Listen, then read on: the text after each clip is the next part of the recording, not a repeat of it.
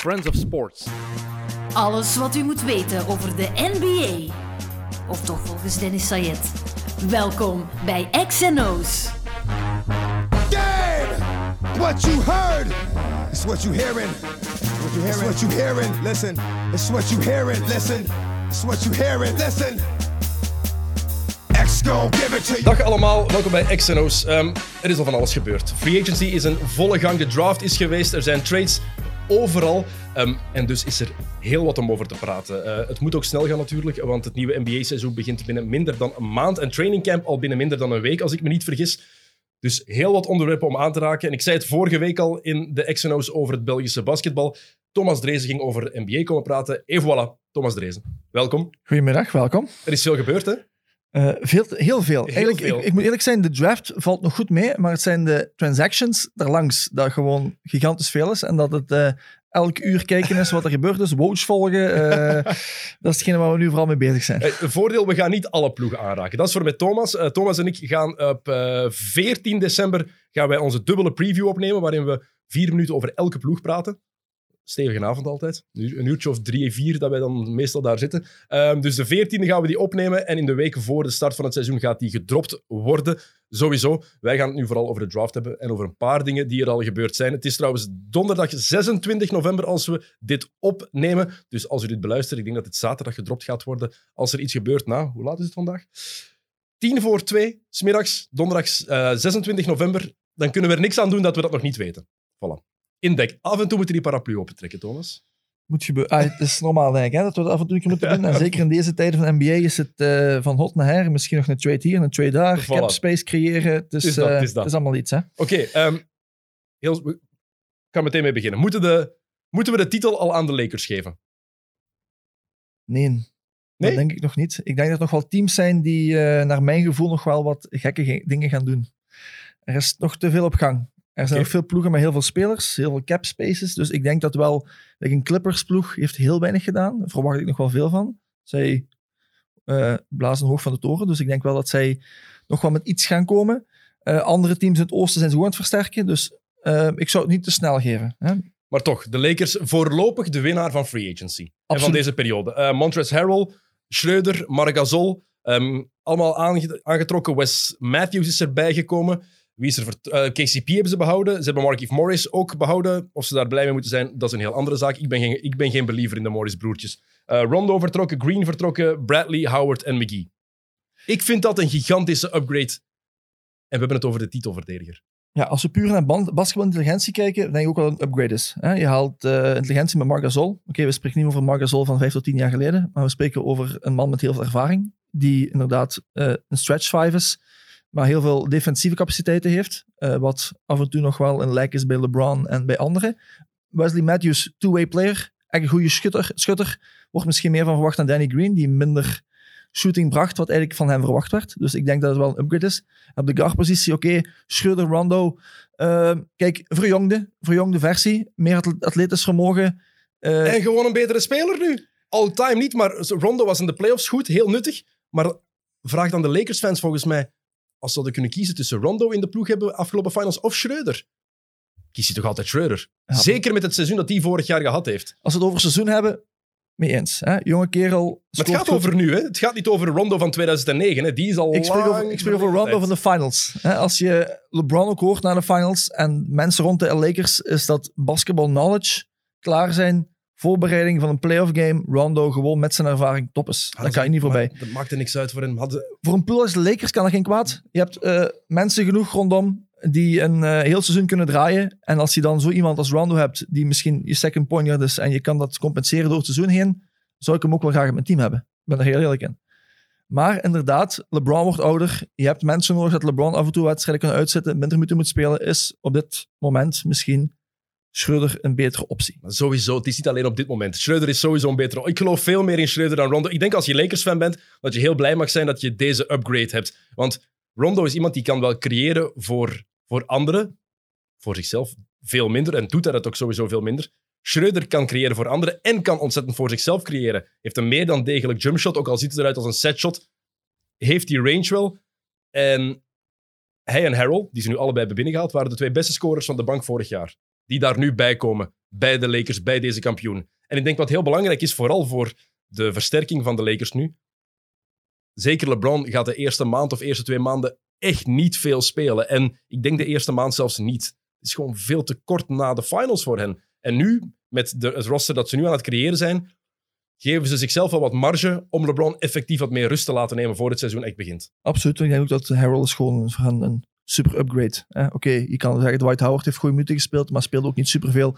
Harold is wel iemand die langs AD is undersized misschien, maar heel veel energie brengt. En dat is hetgene wat zij, als LeBron er niet is, wel nodig gaan hebben met dit team. Heel veel energie, fighting spirit. En ze moeten zich niet meer ergeren Nee, aan. Dwight Howard. Dat helpt ook altijd. Dat is een feit. Een van de meest irritante Maar je, mag, mensen. je moet hem toch props geven. Hij heeft toch een hele mooie eh, bubbel gedaan, vind ik persoonlijk. Hè? Op de wedstrijd dat hij meespeelde, Buiten, was hij wel... buiten de reeks tegen Denver. Waar is die belangrijk geweest in de playoffs?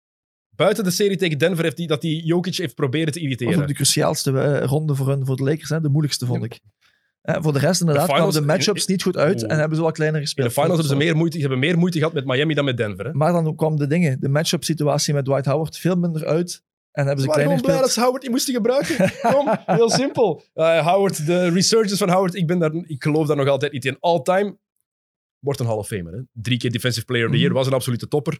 Maar de Howard van nu, nee. ehm, We gaan het zien, Dennis. We gaan het zien dit seizoen. Er gaat een nieuwe kans krijgen bij eh, Philly, achter Embiid. Dus we zullen zien wat hier van bakt. Dat is helemaal echt Philly. Wat, wa, Daryl Morey, wat doe je toch? Echt, ja, eh, wat, dat doet er nu niet toe. Ehm, voor, voor deel voor uh, Montrezl Harrell, want die heeft wel echt teleurgesteld in de bubbel. Duidelijk tekort gekomen. Ehm, was iemand die ja, het verschil niet kon maken tegen een ploeg als Denver, omdat hij die lengte niet had en omdat hij ja, duidelijk niet in vorm zat. Ik denk dat het gaat helpen dat hij nu terug een echte sixth man gaat worden. Wat hij vorig jaar niet helemaal meer was. Hij heeft een topseizoen gehad. Oké, die bubbel komt. Hij heeft dan omstandigheden. Zijn grootmoeder sterft. Hij voelt zich niet goed. Eh ga in die bubbel. Mensen onderschatten die bubbel echt. Hè? Ik denk als je niet zelf in een een gezeten hebt of in die situatie zit, je kan je focussen op een bepaald moment. En als hè, Danny Green had er ook over. Als je niet goed aan het spelen bent en je zit telkens tussen die vier muurtjes en je Mhm. moet je aan die rails houden, is dat mentaal super, super hard. En je wist gewoon dat hij niet 100% klaar was om in die bubbel te stappen. Voor de bubbel al had hij, was hij dan twijfelen, ga ik het doen, ja of nee? Kom je erin, 50-50. Clippers, nadien ook gebleken. Heel veel problemen in de kleedkamer. Hè, met jaloezie. kreeg te veel eh, voordelen, dit en dat. Is dat gewoon mentaal super zwaar. En hij was gewoon niet van de partij. En ik denk dat hij nu wel, met de kans nu met de Lakers. En als ik zo begreep in zijn interviews, wouden ze hem ook niet resignen. Gaat hij wel extra gebrand zijn om eh, een heel goed seizoen te draaien. Ja, ik denk dat ze hem ook niet wilden resignen ergens bij de Clippers, omdat ze weten, zeker met het profiel dat hij gekregen heeft de laatste jaren, dat hij een prominente rol in die ploeg moet krijgen. Meer dan gewoon een six-man die 15 minuten per match speelt. Ehm, bij de Lakers gaat hij dat misschien wel meer aanvaarden. Maar de Clippers moeten voorbij Denver sowieso en voorbij de Lakers. En Harrell is net te undersized. Hij kan wel voor die energie zorgen af en toe. Maar als het erop aankomt, dan, gaan, dan gaat Harrell op de bank zitten tegen die mannen. Absoluut, maar ik zou toch een keer Harold en Davis samen een defensive eh, aspect willen zien. Eh, niet makkelijk om voorbij te komen, denk ik. Maar ik denk als er op de, de crunch time minutes voor de Lakers, dan gaat Harrell niet op het veld staan. Gasol. Ervaring. denk ik. De beste line-up voor de Lakers blijft nog altijd in mijn ogen dat Anthony Davis op de vijf staat. Absoluut. Dus het blijft zo, hè? LeBron, Davis en drie shooters daar rond. Ja, klopt. Wat je perfect kan doen met wat je nu hebt. Je kan Schreuder, heeft het shot, kan ook die balhandeling mee overpakken. KCP, die nu beloond wordt, die Ja. iets wat wat betaald wordt. Ik ben Topbubbel, hè? Je moet er eerlijk in zijn. Hij was ook eh, Absoluut. wisselvallig, maar als je ziet naar zijn prestaties in de bubbel, was ongelooflijk. Kijk, eh, die krijg je daarbij. Dus je hebt denk ik wel genoeg opties om Matthews. Matthews daar ook nog bij, inderdaad. Is defensief. nooit, meer, is nooit meer de man geweest die hij was voor zijn Achillespeesblessure. Nee. Ik denk dat de Lakers-fans zich in de handen mogen wrijven en mogen zeggen: Come and get us. We hebben het goed gedaan. Wie is die grote uitdager dan op dit moment? Met wat er al gebeurd is. Dat ga je raar vinden, hè? Ik denk met de nieuwe headcoach van de Rockets, nieuwe mindset, Boogie erbij, die heel hard gebrand gaat zijn, zou ik durven zeggen, pas op met Houston. Er, kan nog veel gebeuren, hè? We Dus je, je kiest een ploeg waar twee, de twee Ja. bekendste spelers gevraagd Ja. hebben om weg te Ja. kunnen. Ik denk dat ze gaan, denk dat ze gaan verschieten. Maar Westbrook en Harden, wie zegt dat die gaan blijven? En Ja, maar dat is hetgene wat ik nu, wat ik er denk is, ik ga voor gewoon iets geks, want voor de rest zie ik niet iemand iets. Hè? Zie ik eh, de Rockets, als het compleet kan blijven, Als- nieuwe coach, Dus jij gelooft in de combinatie Westbrook-Harden. kan. Ben ik 100% zeker van. Maar dan moet Harden de bal minder in de handen hebben. Dat Harden nog dodelijker is als hij weg van de bal is. Puur shootingkwaliteit en creativiteit. Met Westbrook op de 1. Heb je al eens gekeken naar Harden zonder bal, wat hij doet? Ja, heel weinig. Nee, maar niks. Niks, die staat Niks, stil. Ik weet het. Maar ik denk wel met de nieuwe input van een nieuwe coach dat het misschien wel kan veranderen. Hè? Steven Silas is dus- wel iemand die heel hoog aangeschreven staat bij Absoluut. alle coaches bij, in de, in de NBA-wereld. Dus iemand Ja. die echt wel ja, talent heeft, zoon van natuurlijk Mhm. ook. Maar Westbrook en Harden... Het kan nooit werken als Westbrook driepunters gaat blijven knallen. Nee, maar ik denk dat het ook gaat veranderen. Daar ben ik 100% zeker in. Wanneer, wanneer heeft, Silas West- is wanneer ook heeft echt- Westbrook al eens getoond dat hij kan veranderen? Eh, weinig. Daarom. Weinig. Maar ik, ik, heb er een, eh, ik heb er een goed gevoel bij. ik heb er een goed gevoel bij dat de Rockets volgend jaar gaan verrassen. Oké, we gaan het meteen over de Rockets hebben. Ik had die ergens opgeschreven als een van de onderwerpen waar we het even over moesten hebben. De Rockets. Dus jij, als, jij, als jij de nieuwe general manager bent, jij houdt zowel Westbrook als Harden. Jij gaat niet proberen zoeken naar een trade voor Westbrook. Niet vergeten de contracten. Westbrook nog twee jaar, 41,3 miljoen. Eh, nee, nog drie jaar. Dan vier, Ja. eh, 44 miljoen en dan speleroptie van 47. Harden net, net hetzelfde. Westbrook is er 32, Harden 31. Nog één jaartje nu met Cousins. En dan mag je beginnen te verhuizen. Maar Cousins. Ik ben er 100% zeker van dat hij niet slecht gaat doen. Maar die, maar nee, die sukkelt van de ene stevige blessure in de andere. Hij heeft nu anderhalf jaar kunnen recupereren. Hè, laten we dat zeggen. Hè. Hij komt dan van die eh, Achilles, hè, dan was de knie. Ja, eerst knie, dan Achilles. Heeft Quadriceps. quadriceps. scheur. Hij heeft nu een minimumcontract gekregen. Mhm. hè. Eh, grote verrassing dat hij naar Houston zou gaan. Maar ik net zei, nieuwe coach, nieuw concept. Denk ik wel. Met PJ Tucker erbij. Je hebt Covington nog altijd. Nee, Covington Ah, is vertrokken. weg. Is Covington weg. is weg, ja, ja. Klopt, net vertrokken. Moet er een aanpassing zijn, komt nog iets jongs bij waarschijnlijk. Hebben ze wel de core om iets mee te kunnen doen. Vind ik persoonlijk. Maar waarom zouden ze de speelstijl aanpassen? Ze moeten de speelstand, ze moeten gaan vertragen. Ze moeten gaan vertragen en hun 1 tegen 1 situaties veel meer gaan benutten Maar- op een, op een half-court situatie. Maar dat, die 1 tegen 1 situaties, ze doen niks anders. James Harden die 20 keer door zijn benen dribbelt en dan... Ja, maar dat is, dat is nog heel iets anders, hè? Dat maar dat is- dat is- dat is Houston, eh, hè? En eh, dat is D'Antoni, hè? Dat is de manier van spelen van Houston, hè? De Ja, laatste die gaat jaren. nu eigenlijk veranderen. Als je iemand hebt die jaren onder Rick Car- Carlisle gespeeld heeft, het vooral heeft ook van two-man game situaties, Mhm. en je kan eh Boogie in een situatie zetten met Harden of met eh, Westbrook, als hij fit is, ga je veel meer uithalen. Ik vond de Rockets ook veel beter met Capella destijds. Hè? Dat iets meer eh, teamflow in. Eén keer als Capella weg was, ging undersized, was het verschrikkelijk om te kijken. Ik kon ook niet naar de Rockets kijken. Dat, dat zapte ik direct weg. Maar je gaat Harden wel moeten overtuigen om de speelstijl dan aan te passen. En dat is denk ik niet zo evident. Iemand die zo gewend is geweest om, om altijd de bal in zijn handen te hebben. Eh, het is zijn manier van spelen geworden. Houston is ook echt zijn franchise geworden. Hij zou weg willen naar eh, ofwel Philly, wat ik nu betwijfel omdat eh, Dwight Howard daar zit. We kennen die, eh, die geschiedenis. Ofwel naar de Nets, wat een hele, in mijn ogen, slechte combinatie zou zijn. Want dan heb je Kyrie en James Harden die allebei de bal 100.000 seconden in hun handen willen hebben. En KD die dan daar in de hoek staat als de meest... Denk je, dan, denk je dan niet dat hij zich wil aanpassen? Want hij gaat zich moeten aanpassen. Als hij naar de Nets gaat of hij gaat naar een ander team, gaat hij zich moeten aanpassen. Gaat hij niet het spel kunnen spelen wat hij nu wil. Ik denk ook dat de trade naar de Nets een ongelooflijk slecht idee zou zijn. Verschrikkelijk. Vreselijk idee. Eh, dingen ook niet, Philly ook niet. Zie je James Har- Harden al met Simmons en Embiid? En Nee, maar het zou, dan, het zou trade zijn voor Simmons of Embiid. hè? Het zou ge- geen andere optie zijn, Nee, denk maar ik. wie ga je dan... Ja, Simmons. Als je, als je Philly bent, hè. Als je... Als Daryl Morey, de nieuwe general manager, natuurlijk heeft een verleden komt van Houston. Als je Embiid laat gaan... Philly is Embiid Town, het is geen Simmons Town. En ik denk, als je als nieuwe general manager, als je dan meteen Embiid opgeeft voor iemand als Harden, ik zou Embiid al opgeven, eerlijk gezegd. Voor Harden? Simmons. Ja. Embiid is... eh, als je die man ziet lopen 25 minuten en die moet eraf, dat is fysiek niet in orde. nee, fysiek niet in orde, maar daar kan je wel aan werken. Terwijl Ja, maar hij is er al drie jaar aan het, aan het werken. Oké, maar je, je weet ook, een conditie, zeker topsporters, een conditie, dat kan je snel creëren. Een shot durven nemen, wat nog altijd Ben Simmons een probleem is, Mhm. Dat creëer je duidelijk niet kan je zomaar. wel aanpassen door mensen in situaties te zetten waarin ze zich comfortabel voelen. En dat kan misschien onder Doc Rivers verbeterd worden, want er was heel frustratie van Brad Brown, hè, Philly. Mhm. Eh, heel moeilijk eh, dat men sommige spelers niet in het juiste concept konden plaatsen. Denk ik wel dat dit nu bij Doc Rivers gaat verbeteren.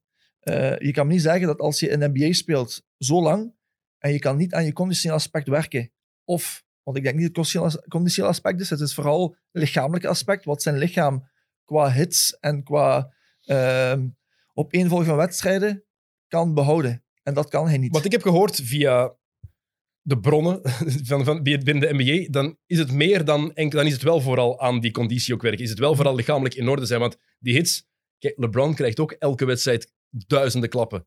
Maar die investeert wel 1,5 Maar ja, maar, oké, maar dat, dat kan, dat kan Embiid ook doen als hij wil. hè? Natuurlijk kan hij dat. Natuurlijk kan hij dat, hè? Absoluut. kwestie van gewoontes ook creëren. Als je ervoor Ja. kiest om voor de wedstrijd tegen de Celtics in Boston eh, vorig jaar op de tafel te liggen en dan Hamburger een hamburger te zitten eten. Ja, in de jaren 80 kwam je daarmee weg. Ja. Het is 2020. We Klopt. weten nu wel meer wat er nodig is om een lichaam Ja, te verzorgen voor een nutrition en, eh, topsporter. En zo verder, opbouw, ja. Dus, Dus- daarmee dat ik aan twijfel. Dus ik zou hem eerder, net Simmons op dat vlak eh, veel meer bezig is. Als je hem ook in de offseason ziet, hè, je kan hem heel goed volgen op sociale media, is hij wel meer geëngageerd bezig met beter worden. Oké, dat shot dat is iets met ritme en flow. Hè, daar ga ik, daar ga ik niet over uitweiden, maar zie ik daar wel veel meer potentie in. En je kan hem op een 3 zetten, je kan hem op de 4 zetten door zijn lengte. Op de 1 is hij gewoon, heeft hij veel meer opties dan een beat. Mhm. Vind ik persoonlijk op lange termijn. Oké. Eh, maar als jij Houston bent, doe je dat dan? Philly komt naar jou en zegt... Joel Embiid voor eh, James Harden. Zo Westbrook traden. Ja, maar die willen ze niet. Niemand wil Westbrook. Niemand... Er is één ploeg die iedereen nog in staat ziet om echt voor Westbrook te traden. Er was even sprake van John Wall voor Westbrook. Washington. Zou interessant kunnen zijn, Ja. Westbrook en, en Wall Niks. samen? Niks.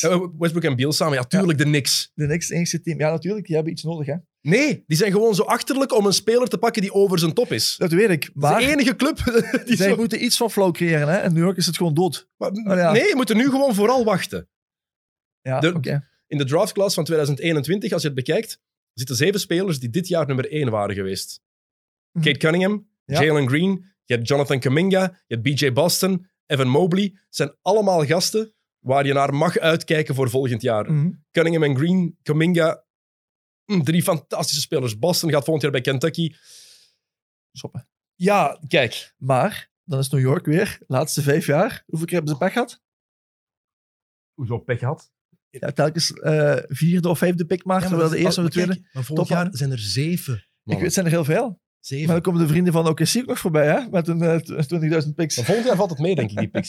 Dat hier openstaan? Die Dus picks? 22 dat ze er heel veel gaan hebben. Ja, Ja, dus 22, volgend jaar valt het 22. echt nog mee, hè? Hier, de picks van OKC. Waar is die hier? Ehm, kijk, 2021. Eigen pick hebben ze... Nee, ze hebben de pick gewoon van Golden State. Ja. En die van Miami of Houston. Ze gaan geen nummer 1 pick hebben volgend jaar. Dat is 22, 23, 24. Gaan ze er heel veel hebben. Maar ze hebben er wel heel veel, hè? Ze hebben er belachelijk veel. Maar ja, iedereen heeft... wat dat OKC gedaan heeft, wat Sam Presti gedaan heeft. Over de reset-button induwen. Ik weet niet dat is. Dat is geen reset button. Dat is gewoon... eh, ik, ik weet niet hoe ik het moet noemen. Het is, het is, Het is, er, het is erover. Het was, op een gegeven moment was het weer eh OKC trade out pick. Ja, voilà, pick. Ja, maar het is echt, ik denk dat ze Victor Oladipo ehm, en Sabonis, denk ik, dat ze die hebben kunnen omvormen tot al die picks en tot Shea Gilgeous-Alexander, die Ja. daar ook nog is bijgekomen, waar ik ongelooflijk in geloof. Eh, maar dus, oké, Houston. Maar het leidt ons al heel ver, Ja. Houston. Waarom zou je daarin geloven? Los van dat je denkt dat er een nieuwe speelstijl gaat komen. Als je kijkt naar die ploeg op dit moment, ehm, die rotatie alleen al, Westbrook, Harden, Eric Gordon, Tucker, en dan Cousins gaat nooit starten. Dat is Christian Wood die gaat starten. Hè? Ja. Dat is wel een goede pick-up trouwens. Maar als ik dat zie, dan denk ik niet top 5 in het Westen. Nee. Denk, in het reguliere seizoen kunnen ze wel iets doen, want het is Harden natuurlijk. Maar Lakers, Warriors. Warriors zijn niks meer. Hè. Gaan we het ze over hebben. Ik verwacht heel veel. Warriors gaan we het ik verwacht heel van Stephen Curry. Maar eh, Lakers, Clippers, Nuggets. Dat zijn de drie beste ploegen in het Westen. Clippers momenteel nog niet, hè? Vind ik. We hebben nog altijd Kawhi en PG. In Oké, maar dat heeft niet gewerkt, hè? het Vind ik persoonlijk. Dat heeft niet gewerkt. Ik vind niet dat, Dat Kawhi en, en PG gewerkt heeft. Omdat ze eruit lagen tegen de Nuggets. Nee, deze seizoen ook al. Hoogtes en laagtes. Ja, Geen constante. Dat is het ding net. Het was zo. En ze waren wel top 2 top, eh, top twee in, het, eh, in het Westen. Voilà. Point proven. Ja, oké. maar Ja, maar zo simpel kan het soms zijn, ik ben believer van eh, PG en Kawhi samen. Oké, oké, maar het blijft wel een top 3 ploeg voor mij in het Absoluut, Westen. omdat ze ook goed omringd waren. Hè? Tuurlijk, ja. Harrell, maar die valt dan weg. Lou Williams niet zeker wat ze mee gaan doen. Ibaka terug erbij nu. Upgrade. Upgrade, ja, oké. Vind je een upgrade? Ja, ze hebben Marcus Morris wel een belachelijk contract gegeven. Heel veel Maar- geld. Eh, maar Christian Wood is wel een geweldige pick-up voor, de, voor de Rockets. Ik snap ook niet dat Detroit die heeft laten gaan. Nee, voilà, verjonging, hè? atletes ook. Eh, ja, kan ze al absoluut gebruiken van die twee, eh, twee mannen die de bal graag in de hand hebben. Maar ik zeg het, ik heb een paar gezegd, als daar een Wood nu bij komt, superatletisch diving richting de ring, iets meer to-man game geïmplementeerd wordt, wat Carlisle bij Dallas heeft, waar van natuurlijk van afkomt, denk ik wel dat dat iets meer structuur gaat komen. En zie, hebben ze wel ervaring genoeg.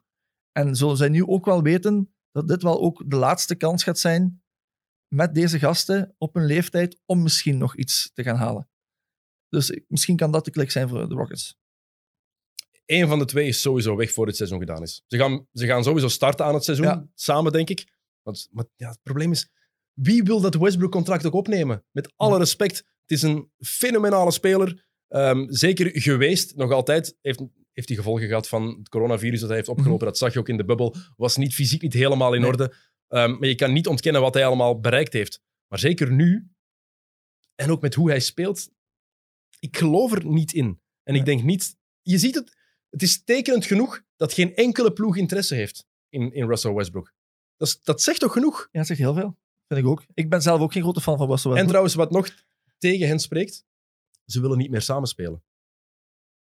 Is dat zo? Het is niet maar één bron die dat, dat, dat, eh, die dat vermeldt. Meerdere bronnen vermelden echt van Westbrook en Harden. Het is voorbij tussen die twee. Het zijn nog wel vrienden, maar op het veld ze voelen de chemistry gewoon niet meer. Kijk, als dat al gebeurt, Thomas, dat is Ja. toch cruciaal? Als die, je twee is- beste spelers, dat die goed kunnen samenspelen. Ja, als het, het kan ook soms klinisch zijn, hè? Gewoon puur tactisch en eh jij mag eh, gewoon die job doen. Ik zeg, nieuwe coach kan heel veel impact hebben. Maar we willen samenspelen. Als je op voorhand al zegt, nope, geen goesting. Is het moeilijk? Heel moeilijk. Ehm, ja, ik, vind, ik, ik, denk, ik geloof in de Rockets. Nieuwe coach, nieuw concept. Ik denk het wel. Christian Wood. Ehm, ik, onbegrijpelijk dat Detroit die heeft laten gaan. Ik vond dat, als er nu één iemand is waar ze op mochten inzetten bij de Pistons, Mhm. is het Christian Wood. Maar dan hebben ze ervoor gekozen om de absolute schlemiel te worden van heel free agency. Wa- waarom? Mason Plumlee, Jalil Okafor, Jeremy Grant, big guys binnenhalen. Blake Griffin loopt daar nog rond met zijn, met zijn eh, kapotte knieën. Ze hebben voor de second unit big guys van Denver vorig jaar nu 40 miljoen be- betaald. Mhm. Heel veel geld. Ik, maar ik, be- ik begrijp die ploeg echt niet. Als ik daar naar kijk, naar het roster, ik probeer te snappen wat ze willen doen. Maar Het dit is het gewoon belachelijk. Het is heel, heel vreemd. Ik, kan, ik heb ook Detroit aangeduid met een heel groot vraagteken. het, is, eh, het is heel, heel moeilijk. Ik, ik, kan, ik, ik zie de logica ook niet. Je haalt al die big guys binnen, je hebt Blake Griffin, je probeert niks te traden. Of dat is ai, wat, je nu, wat je ziet voorlopig, dat er Mhm. daar geen transacties zijn of geen aanvragen of eh, gesprekken. Eh, dus ik, ik weet echt niet. Ik kan er zelf niet op antwoorden. Dus als Blake Griffin twee seizoenen geleden was nog altijd All-NBA-speler. Als die fit is, is, kan die nog altijd cruciaal zijn. Maar hij heeft zoveel blessureleed gehad de laatste jaren, dat ik niet denk, ik denk dat hij nog één jaar contract heeft hierna. laatste jaar gaat hij nu in. Ja. Dus hij kan wel ergens van nut zijn. Bij een Golden State zie ik hem bijvoorbeeld wel zo'n rol spelen. Absoluut. Ehm, Contender, maar ja, minder geld. Dus hij gaat, ja, maar ze gaan die ook niet kwijtraken. absoluut niet. Dus hoe ga je dat oplossen? Hoe speel je dan? Hoe gaat Detroit proberen spelen? Ja, ze hebben dan nu die, eh, de, nieuwe, de nieuwe kid on the block hè, die eh, binnenkomt uit Europa. Eh, zoals Killian Hayes. Hebben, Killian Hayes. Ja, nummer Ja. 7 pick in de draft dit jaar. Ze hebben Derrick Rose nog altijd, die ze nog wel zouden kunnen traden, wat ik nog wel zie gebeuren. Ja, Killian Hayes, jij bent daar niet van overtuigd. Ik, eh, ik volg de Bundesliga niet zo hard zoals jij die volgt. Mhm. Ehm, ik heb heel wat video's van Hayes bekeken, veel analyses gelezen en ehm, natuurlijk ook ehm, over gehoord, heel wat podcasts over gehoord. Ik ben er wel van overtuigd. Als je hem ziet spelen, zie je daar heel veel in wat je nu zoekt in een moderne basketballer. Zijn manier van spelen past echt bij de NBA anno 2020. Maar jij bent niet overtuigd. Hij is 1,96, point guard, hè, linkshandig. Ehm, ik heb hem, omdat ik volger ben van de Bundesliga, omdat ik het destijds zelf gespeeld heb, volg dat heel veel. Mhm. Ulm natuurlijk ook, omdat ex-ploegmaster gespeeld hebben. Dus Ulm is iets waar ik heel veel naar kijk. Oké, ze nemen hem vorig jaar dan vanuit Frankrijk. Eh, Hij heeft er denk ik een half seizoen gespeeld, als ik juist ben. Eh, de jongen met heel veel potentie. Daar gaan we, dat is ook zo. Als je puur potentieel bekijkt, point guard die lengte, court view op die leeftijd, goed linkerhand, goed schot. Het enigste is om hem nu al direct in de NBA te gaan zetten. Oké, daar zijn nog die fysiek niet in orde zijn of nog niet sterk genoeg zijn. Denk ik dat hij fysiek tekortkomingen gaat hebben. Oké, eh, NBA heb je meer ruimte eh, om één tegen acties te doen, maar dat mis ik nog bij hem. Hij is heel jong, je hebt nog ups en downs, zelfs in de Bundesliga. Maar als je het soms moeilijk hebt tegen eh, middelmatige ploegen in Duitsland bij momenten, dan denk ik niet dat je nog niet klaar bent voor NBA. Ben ik meer een opteerder van hem misschien nog twee jaar in Europa te steken bij misschien een Euroleague contender. Om daar nog een keer meer die knowledge en de read te kunnen creëren. Mag ik dat even counteren met een vraag? Absoluut. Was Giannis Antetokounmpo klaar om meteen naar de NBA te komen? Ja, is aan het kopen 2 meter en 10. Nee, toen nog niet. Oké, maar... Nee, maar dat is, dat is een Ja. belangrijke nuance. Janis was ook nog niet klaar. Kwam uit de Griekse tweede klasse. Mhm. Had nooit echt tegen topploeg gespeeld, maar hebben ze wel, zijn ze beginnen ontwikkelen toen hij bij de Bucks zat. En heeft daar zijn kans gekregen. Heeft daar vooral de kans gekregen om met zijn, muur te- eh, met zijn eh, hoofd tegen de muur te lopen. Mhm. Heel belangrijk, denk ik. En ik denk dat dat net meer gaat doen voor een jonge gast dan bij een Euroleague-ploeg spelen waar je na twee fouten meteen op de bank wordt gezet. Waar je niet de kans krijgt om die fouten te maken. En vooral bij Detroit. Who gives a fuck? Really? Wat Ja. maakt het uit wat hij doet? Klopt. Als hij tien kutmatchen op rij speelt, nobody cares. Doe het bij Bayern München, terwijl Shaquille O'Neal daar eh, mooi naar beneden valt achter je. We hebben een probleem met de kapstokken hier. Dus eh, er moet geïnvesteerd worden. Ehm, maar ehm, als hij een fout maakt bij een ploeg als Bayern bijvoorbeeld, ja, dan gaat hij veel minder kansen krijgen. Dan zie ik hem 10 minuten per match spelen, terwijl ik hem hier 25 per match zie spelen. Ik ga een voorbeeld hebben die, die ook naar de NBA gaat. Campazzo. Mhm. Net hetzelfde. Jonge kerel, Europa, gerijpt, enkele jaren gespeeld. Hij gaat dan, neemt dan een stap terug in Spanje. Gaat dan terug naar Real Madrid na enkele jaren. Gaat nu naar Denver, hè, waar ik heel hard uitkijk om hem te zien met Jokic. Maar dat is een proces dat je krijgt door op die positie krijg je zoveel meer ervaring in Europa dan NBA. Maar is NBA ook niet meer veranderd naar een ontwikkelingscompetitie de laatste jaren? Absoluut. kijkt- het, het dus is ook zo, hè. Vroeger is moest je daar- echt klaar zijn. Voilà, het is daarom dat ik het ook minder denk, dat ik het veel minder erg vind. Dat ik denk van, ja, het is niet nodig dat hij in Europa blijft, omdat de NBA net zo hard inzet op ontwikkeling van spelers. Janis is daar het mooiste voorbeeld van. Hè? Mhm. Wie had gezegd in 2013, toen die gedraft werd, dat Janis ooit MVP zou worden? En ja, yeah, yeah right. Ja, zo ga ik, ah, ga, crazy. Ja, maar kijk nu naar hoe snel hij ook ontwikkeld Maar heeft is. Heens de potentiële fysieke capaciteit, gelijk Jannis? Ja, maar Janis is natuurlijk een freak of nature. Ja, dat is uitzonderlijk. maar hè. dat is nog altijd hetgene waar dat hij... Ik ben geen grote Jannis van. Iedere, mensen die me kennen weten dat. Mhm. Omdat ik vind hem skilled geen topbasketbalspeler. Hij is gewoon een freak of nature. Maar heeft iemand als Heens dat? Maar die skills heeft Heens net wel. Die heeft hij wel. Wil die Dus- die skills en die read dan niet nog een jaartje of twee jaartje verbeteren? Qua Ja. inzicht. Ja, ik, zie, ik, ik heb daar een, ander, ik heb daar een andere, ander zicht op. Ik zie liever dan een jonge gast zoals Hayes naar een ploeg als de Pistons gaan en Ja. daar effectief zijn minuten krijgen. Ja. Natuurlijk hangt er ook vanaf hoe ze hem gaan om, om, omringen. Hè. Er moet wel een beetje veteranship zijn, er moet ervaring zijn om hem te begeleiden, want het is niet gemakkelijk, eh eerste jaar in de NBA. Nee. Maar als je hem ziet spelen, heeft dat herky-jerky in zich, wat James Harden ook heeft. Heel Zeker. goed in over een screen komen, in die verdediging in zijn rug voelen. Heeft een goede floater, midrange. Heeft een oké driepuntshot en een voordeel. Ik weet niet waarom dat is, maar iedereen heeft een zwak voor linkshandige spelers. Hè? Ja, hij heeft heel veel flair. Hè? Dat Ja. zie je ook gewoon. Hè? Dat ik net zeg, hij gebruikt die pick-and-roll situaties heel goed. Eh, het is gewoon, ja, consistent worden. Maar denk Eh, je niet dat het voor het eerste jaar dat mensen hun wenkbrauwen gaan fronsen, maar dat de kans bestaat dat hij binnen vijf jaar de beste speler van heel deze draftklasse wordt? Goed, kan heel goed zijn. Daar ben ik het helemaal mee eens. Potentie heeft hij genoeg, heb ik net ook vanaf het begin gezegd. Hè. Mhm. Dat is ongelooflijk. hè. 1,96 met, met de flair. Dat die speelt vorig jaar ook al in Duitsland, hè. Europees ook. Die jongen van 18 jaar die gewoon de ballen brengt en die starting point is bij een contender in Duitsland, eh, is gewoon prachtig om te zien. Mhm. Maar NBA is nog Ja, het, het voordeel is, ze gaan, als je kijkt, Ze naar, kunnen nu. als je Ze kijkt mogen. naar die ploeg, ze gaan sukken. Hè? Ja, ze gaan heel slecht zijn. Ja, dat is een voordeel met de draft van volgend jaar. Ja, ja, dat is natuurlijk ook een voordeel. Dus als je dan een Jalen kijken. Green daarbij krijgt, Ja. bijvoorbeeld, en, je hebt een, je hebt- je- en dat wordt de backcourt van, eh, van de toekomst. Ja. In, wat, wat moet Detroit anders doen? Als ze Ja, dit wat ze nu het is- gedaan hebben. Het is voor Detroit een goede pick. Ben ik het- op lange termijn is dit voor Detroit een hele, hele goede pick. Absoluut, daar ben ik het 100% mee eens. Maar ik zie het nu in de komende twee jaren. Je kan NBA heel, heel hard developen. Hè? Je hebt daar heel veel mensen waar je kan werken. Maar is het ook... Het is het mentale aspect door. Het ergens verliezen, eh, geen mensen rondom je hebben. Mhm. Het kan ook heel zwaar worden. Hè? Als eh, teams gaan gaan focussen op jou, eh, puur op fysieke aspect, is dat voor een jonge gast ook heel moeilijk te plaatsen. Maar dat is natuurlijk begeleiding. Hè? Zoals ik net gezegd heb, als je daar goede mensen rondom je hebt, is dat iets makkelijker om op te vangen. Trouwens, Blake Griffin heeft na dit jaar nog een jaar contract, maar hij heeft een speleroptie. Ah. Gaat hij nooit weigeren, want dat is 38,9 miljoen. Dat denk ik ook niet. Dus gaat, gaat hij nooit afzeggen. Tenzij dat er natuurlijk een of andere deal is. Ehm, ja, eh Killian Hayes, we moeten het even over de draft hebben. Hè. Ja. Ehm, interessante draft. En vooral straf, er is zo weinig gebeurd. Zo weinig transacties in de eerste ronde. Je verwacht toch zeker in de lottery dat er wel een paar dingen gaan gebeuren, maar iedereen is gewoon rustig op zijn plek gebleven. Ja, de, de meeste verwachtingen, hè, dan die eerste pick natuurlijk, was normaal. Eh ah, normaal. Als ik Minnesota ben, als ik nu GM ben van Minnesota, pak ik geen Edwards, maar pak ik Wiseman. Daar ben ik heel eerlijk in. Je speelt ondertussen al drie, vier jaar hè, met Towns. Je hebt daar Wiggins. Nee, nee, Dat- Wiggins is weg, hè? Ja, maar nee, nee, je had daar Wiggins Ja. in die laatste drie, vier jaar. dat bijna hetzelfde profiel is als Edwards. Atletisch op de wing. Een so-so verdediger. Hè? Eh, nu, hè? George, oké, heeft hij meer het scorende vermogen nodig. Hij wordt van hem verwacht. Ehm, maar dan ga je weer hetzelfde type halen. Waarom? Je hebt dan D'Angelo Russell op die 1-2-positie. Dat eh, creatief genoeg is. Hè?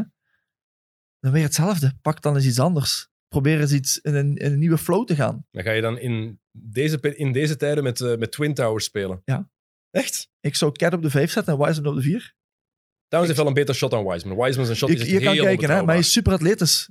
Probeer het. Ik, allee, je gaat nu terug weer aan hetzelfde concept. Het is een jonge coach die zijn eigen nog niet bewezen heeft. Heel moeilijk. Gaat die de ploeg die ze hebben? Russell is geen verdediger. Towns is geen verdediger. Rubio die er nu bij komt is geen verdediger.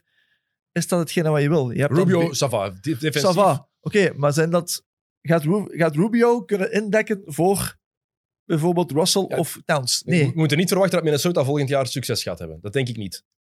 nee, dat denk ik ook niet. Ben ik het 100% mee eens. Maar het zijn gewoon heel rare picks. Je hebt daar Beasley op de 2-3 positie die ze willen bij gaan tekenen. Ja, dat is, Meer raar contract. Dat en dan is- pak je net hetzelfde. Pak je weer op die positie weer een gast bij. Oké, misschien op lange termijn voor trades nadien kan het misschien een pick zijn. Maar wat Minnesota doet de laatste eh, afgelopen dagen is ongelooflijk. de, het Beasley-contract snap ik ook niet. Zeker niet wat er nog bij komt. Ik geloof altijd wel in Beasley, geloof, maar ja, er, komen dingen, er zijn dingen aan de hand met Beasley naast het veld die niet zo ehm, mooi zijn. Om het zacht uit te drukken. Hebben we al Ehm, gehoord. Maar dan ja. pak je Rubio bijvoorbeeld. Hè? We hebben nu over de draft. Je pakt Rubio erbij. Weet je dat volgend jaar Minnesota een luxury tax zit? Coming back home, Rubio. Ja, oké, maar ga je toch niet Rubio halen? Die gaan een luxury... De Minnesota Timberwolves gaan volgend seizoen een luxury tax. Ga eens kijken de contracten van de Timberwolves. Die... Ongelooflijk. Een ploeg die van onderaan bengelt een luxury tax gaat. Met alle contracten. Ja, het is... eh, niet, Absurd. niet vergeten dat ze James Johnson ook nog 16 miljoen betalen. Hè? Ja, maar die gaat nu naar weg? Dallas. hè? Ja. Alles, ah ja, die gaan ze nog moeten... Maar is, ja, die, is die getrade of hebben ze die die is... laten eh, gaan? Die is getrade. Nee, die is ge- die hebben ze laten gaan. Dus dat contract Ja. moet nog wel betalen. dat, Ja, is 16 want Dallas heeft het, eh, heeft het nu voor een deel dat, is 16, overgenomen. dat is hè? 16 miljoen dat je Ja. betaalt Inderdaad. voor een jaar. Crazy, hè? Maar ik denk, ik snap je punt daarbij. En ik ben ook niet helemaal overtuigd van, van, van Edwards, wel van zijn fysieke kwaliteiten. Ja. Maar iemand die meteen al zegt van, ehm, als ik kan kiezen, zou ik voetbalspeler zijn. Dan, dan gaan dan, alleen maar rode vlaggen in mijn hoofd. Alleen maar. Ik, ik zou liever, ik kijk niet graag naar basketbal, heeft hij letterlijk gezegd. Er is niks zo belangrijk in de NBA. Ja, wel, zijn dingen wel zo belangrijk, werkethiek natuurlijk en zo. Maar video kijken is cruciaal in deze tijden. Vroeger was het al zo.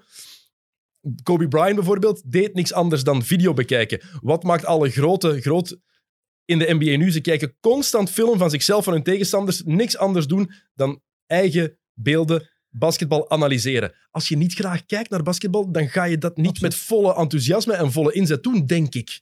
Ja, ik heb eh, ik heb een podcast van Danny Green gezien. LeBron doet niks anders. Hè? LeBron is dag en nacht video aan het kijken. Weet je wie dat ook graag doet? Rajon Rondo. Doet dat ook heel graag. nee, nee. Maar het is gewoon super belangrijk. het is gewoon super belangrijk dat je dat doet. En inderdaad, als je. Ik vind het gewoon heel pick. Ik Maar, vind wie- het, ik maar vind het Wiseman, ik ben, ik ben, Bill Simmons heeft daar ook al eens gezegd over Wiseman ehm, samen ehm, met Towns. Ik ben daar niet echt van overtuigd. Ja, het is de, de beste ploegen hebben nu een big man die een impact heeft. Mhm. En dan heb ik het over de Lakers en de Nuggets, die allebei Ja. een big guy hebben die een impact kunnen hebben. Philadelphia kan dat hebben. Is dat bepalend? Niet per se, maar zo twee gasten samen. Ik zou daar niet, ook niet helemaal in geloven. De vraag is in deze draft dit jaar, waarbij niet echt één uitgesproken topper was, Nee. wie kies je dan wel? En ik zie weinig alternatieven ehm, voor Minnesota als ze echt opnieuw willen inzetten. Is Edwards, Edwards de oplossing? Het kan, hè? Het kan wel goed uitdraaien. Maar iemand die zo'n dingen al voor zijn eerste NBA-match zegt: ik zou eigenlijk liever een voetbalspeler zijn, dan hou ik mijn hart vast. Had dan bal genomen. Bal langs Russell. Thomas, dan krijg je 180 punten per match Ja, tegen. maar. Edwards, Edwards verdedigt nog een klein beetje. Lamello Ball is... Maar je hebt wel basketbal-intellect. Jij stond niet bekend als een, een hele, ehm, in- hele enthousiaste verdediger. Wel, Nee. in vergelijking met Lamello Ball ben jij volgens mij een all-NBA defensive player. Bijna. Dat is heel erg om te zeggen. Dat weet je zelf ook. Dat is waar, maar je krijgt, heel, je krijgt er wel heel veel flair bij. Dat krijg je wel. Je hebt flair en je hebt... Dus jij gelooft, in, veel- jij gelooft in Lamello? Dat is... eh Lamello is like eh, Killian Haynes. Man, nee. ik- Lamello is als Killian Hayes. Net hetzelfde. Killian Hayes heeft basket. Flair. Killian Hayes heeft IQ. Ja, ba- bal ook hoor. als je hem in Australië zag spelen dit seizoen, ik vond het met momenten echt impressionant. Gewoon reading defenses, Ook- offensief Ja, concept. maar het is ook niet onbelangrijk om een klein beetje IQ naast het veld te hebben. Een, klein, een kleintje. Dat begrijp ik, maar dat is, dat is van vader uit, hè. Dat is van thuis uit. Daar kan je heel weinig aan doen, maar dan moet je begeleid worden. En ik denk, eh, ja, met zijn nieuwe baas nu, dat het misschien ook wel iets meer gestuurd gaat worden, dat dat minder gaat zijn. Ja, want Het Michael Jordan heeft zo'n geweldig track record als baas. Dat weet ik, maar je spreekt tegen de grootste Jordan-fan die er is, maar Jordan als owner en als GM is om van te blijten. Hè? ja, het, is, het is moeilijk. Hè. Het is niet zo indrukwekkend als zijn zelf speel- speelcarrière, maar het kan wel toe leiden dat het minder story gaat rond gecreëerd worden. En dat het meer naar Jordan kan gepusht worden als het niet goed zou zijn. Of minder zou durven gaan. En wat gaat Lamelle Ball ook mogen doen? Gaat hij die ploeg, gaat hij die touwtjes helemaal in handen krijgen? Want dit is de eerste keer dat hij effectief begeleid gaat worden, verwacht je toch? Hè? Ehm, in Australië mocht hij doen wat hij wou. Mhm. Altijd eigenlijk. Dus dat ook. Ja, maar heel zijn, Ja. als je teruggaat tot, in, tot, een high, tot zijn begindagen in high school bij Chino Hills, Mhm. heeft altijd mogen doen wat hij wilde. Ja. En zag er soms goed uit. Maar wat Jay Biles ook zei tijdens de uitzending van de draft, ehm, geweldige visie, en dat is zo. Heeft een Ja. Fantastische vista, een hele goede paas in zijn handen. Heeft, speelt met een ongelofelijke flair. Kan niet shotten en kan niet verdedigen. Nog eens, rode vlaggen. Ja, intellect. Shotten en verdedigen, twee dingen die toch redelijk belangrijk zijn. Ik vind zijn shot nog oké. Het is niet dat zijn shot heel slecht is. hè. Oké, het is... eh, heeft zo- 25% van achter de Ja, driepuntlijn, omdat hij die, soms van die garbage ballen weggooit. Ik denk dat we op selectie gaan ze wel met hem werken. Denk op shot selectie. Hè. Zijn flow en zijn touch is vrij oké. maar hij neemt soms inderdaad van die... Zeg je, ik, van die alle, alle, alle, alle specialisten, alle analisten zeggen dat dat een groot probleem is, zijn touch. Dat het zijn shot echt niet goed genoeg is. En vooral zijn afstandsshot. Dan kan je aan de NBA aan werken. Hè. Zijn mensen genoeg eh, om daaraan te werken. Ja, Ik denk eindelijk dat je dat wel kan aanpassen. Dat maar je mechanics moeten wel een beetje oké zijn. Heb je- Maar zijn mechanics zijn echt... Like zijn broer. Vreselijk. Niet, niet goed, hè. Nee, maar Like kijk, zijn broer heeft die proberen aan te passen. Ja. En we zijn nu na jaar... Drie jaar, vier Drie? jaar verder. Drie. Is het verbeterd. Het is, Ja. al, het is beter aan het worden. En hoe, was het in, hoe was het in de bubbel? Dat was niet goed, nee. Dat was- Nee, nee, nee. Het was Nee. niet goed. nee dit was, dat, was, dat is een ander... Ik denk dat ik een, een shot contest van Lonzo Ball in de bubbel zou Dat gewonnen hebben. En dat is ook erg. Zeker nu is dat erg geworden. Ehm, Charlotte, ja. Ik, ja, ik moet gewoon meteen even zeggen. Charlotte. De, we hebben rare deals gezien, maar de meest onbegrijpelijke deal is toch die van Gordon Hayward. Heel vier jaar, 120 miljoen. Heel veel geld, maar En vier jaar, hè, dat is ook heel belangrijk. Heel ik. lang. Hij is 30, hij wordt nu 30, hè? dus hij wordt eh, contract zijn 34. Het is gigantisch veel, daar ben ik het mee eens. Maar buiten Gordon Hayward op die positie, wat zij nodig hebben, wie is er nog? Je kan gaan traden voor DeRozan, die weg wil bij San San Antonio. Maar als je dan kijkt naar die free agents dit jaar, is er op die positie, wat zij nodig hebben, en wat zij zeggen dat ze nog hebben, heel weinig om op te vullen. Of je doet gewoon niks. Of je doet gewoon niks. Ik ben wel van de veronderstelling dat we volgend jaar een veel betere Hayward gaan terugzien, zoals in Utah-tijden, omdat na zo'n blessure, en ik kan er zelf over meespreken, heb je sowieso een jaar tot anderhalf jaar nodig dat je terug op je full fysieke competentie komt. Dat gaan we toch nooit meer zien. De, de echte, echte Gordon 100% Hayward. niet. Maar ik heb wel met vlagen gezien, en dat is ook de reden waarom Boston dit jaar niet naar die finale is geraakt, is omdat Gordon Hayward er niet is. Is was- Hayward er wel, speelt Boston de finale Hij, tegen hij was er Lakers. tegen Miami. Ja, maar hij was niet fit, want hij was net in die bubbel nog geblesseerd geraakt. en heeft dan enkele weken niet gespeeld. De Gordon Hayward net voor zijn blessure staat Boston in de finale. Maar je hebt het nu woord wel een paar keer genoemd en ik denk dat dat belangrijk is. Ja. Blessure. Sinds hij zijn enkel heeft gebroken, die vreselijke blessure, Compensaties. Dat zijn compensaties. Maar dan heeft hij... Het is freak injury na freak injury. Die, hij was heel goed in het begin van vorig seizoen, dan breekt hij zijn hand. Mhm. Krijgt hij die pech. Ja, dat is echt Eh, pech. Dat ja, tuurlijk, maar Ja. dat, het ding is dat die voet die hij omslaagt, dat is het, het- maar het zijn de hele tijd zo'n blessures. Ja. En ik denk dat het wel eens een vicieuze cirkel kan worden. En want je ziet dat heel vaak bij zo'n spelers, vanaf dat die beginnen met geblesseerd te raken, hoe dat komt, ik ken daar niks van. Weinig maar het tijd. blijft wel Klopt, terugkomen. klopt. Ben ik 100% mee eens. Maar hij heeft nu wel de tijd gehad nu, na die bubbel. En hij gaat een kans krijgen. Maar geef je nog vier jaar. Vier jaar is te veel. Ik ben niet, ik ben niet oké met het contract. Dat is veel te groot. Hm. Je kan hem die kans geven. Ik denk dat hij wel potentie daarvoor heeft. Heeft hij ook gewoon heeft hij bewezen. Maar zo'n contract... Het eh, zou blijkbaar MJ een sign-and-trade worden trouwens, toch wel. Kan, Ehm, heb ik net heb ik eh, dus morgen ook gelezen, ja. Dus eh laten we hopen voor de Charlotte dat het wel zo gaat zijn. Want Batum, daar willen ze van afgeraken. Ja, Ze gaan- gans contract. 27 miljoen. Ze willen nu proberen om die mee te betrekken in die sign-and-trade, dat er een of andere ploeg is die dat toch zou willen absorberen, dat contract. Maar anders betalen ze voor de, in de eerste drie jaar 39 miljoen per jaar voor Hayward. Want ze gaan hem dan waven en dat contract stretchen over drie jaar. 39 miljoen voor Gordon Hayward in deze tijd. Crazy. Ik heb er van de week eh, van die jonge gastjes eh, zien tekenen voor max deals, zou het iets minder zijn. Dus eh, met iets meer impact, like Donovan Mitchell of zo bijvoorbeeld, hè, die kan je dat wel geven. Maar iemand like hem, eh eh los erover. Maar waarom doe je dat dan? Want je, ze, ze zoeken inderdaad zo met ervaring. Dat zal ook wel helpen. Ja. Jonge gasten meehelpen begeleiden. Je hebt, je hebt daar een Bridges, je hebt daar PJ Washington, waar ik wel in geloof. Je hebt daar de LaMelo Ball nu rondlopen. Waarom? Ik, ik snap niet goed wat de bedoeling eigenlijk is van de Hornets. Dat vraag ik me af. Want ze gaan, één, ze gaan niet met deze ploeg de playoffs niet halen. Sowieso niet.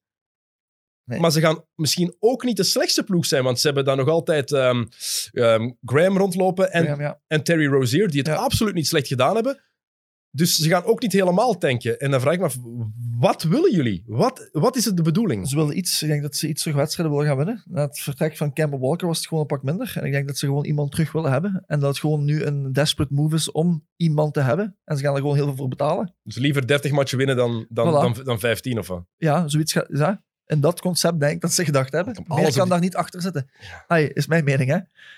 Dat is, eh, is mijn mening. Maar Ik- ja, en, en ik zie het ook op het veld. Ja, hoe ze dat gaan doen. Hayward is een hele goede facilitator. Is heel goed die hockey-assist geven. Mhm. Hoe gaat dat werken met LaMelo Ball?